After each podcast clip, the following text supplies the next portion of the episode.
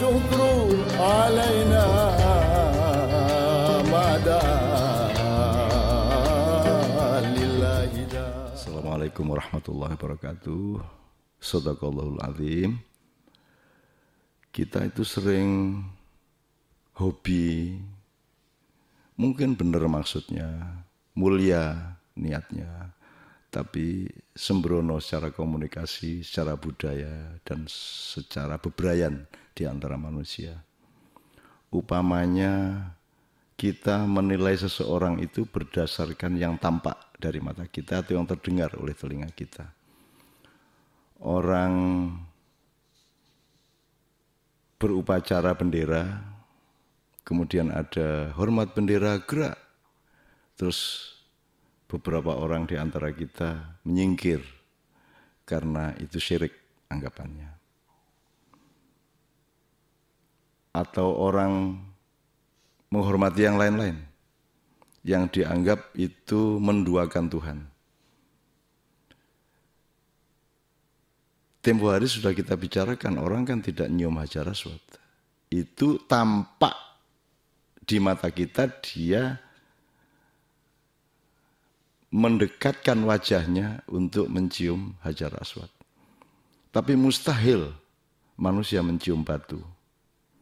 Kalau sesungguhnya batu itu adalah batu. Karena pada hakikatnya yang dia cium adalah bukan batu. Batu itu adalah munculan simbolik materialistik dari peristiwa-peristiwa batin. Jadi Rasulullah ketika naik haji mencium itu. Kemudian Umar bin Khattab mengatakan kalau tidak karena Rasulullah menciummu, aku juga tidak akan menciummu.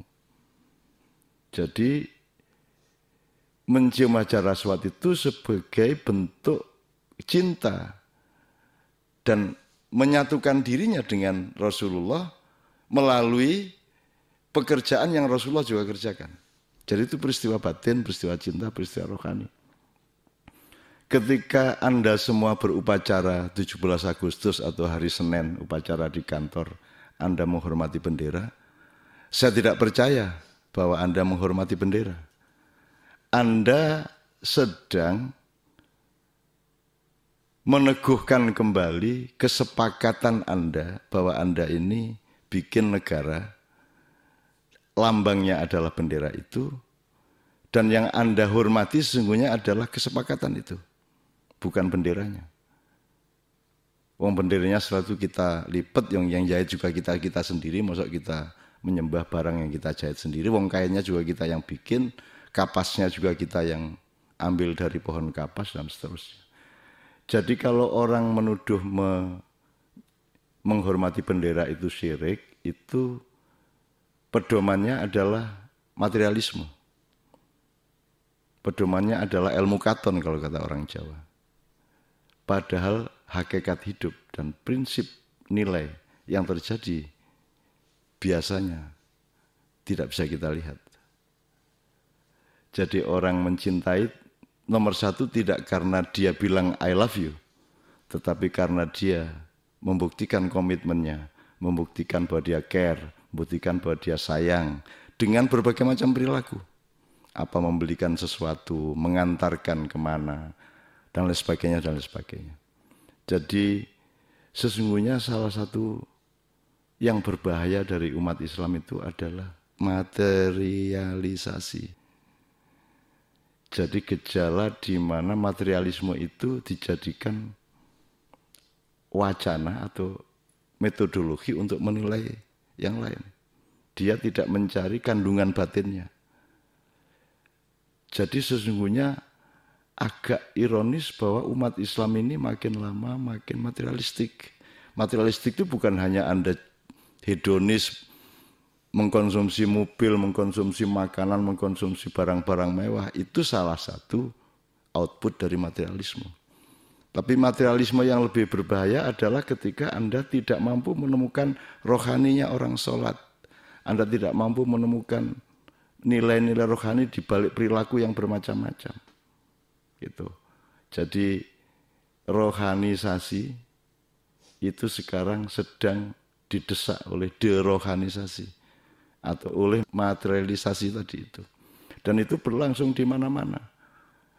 Itu yang pada awal dan pada akhirnya membuat kita ini terjebak di dalam pertengkaran-pertengkaran yang sebenarnya cara pandangnya materialistik. Kita bertengkar antara aliran A dengan aliran B dan aliran itu sebenarnya materi. Seolah-olah kita berbeda.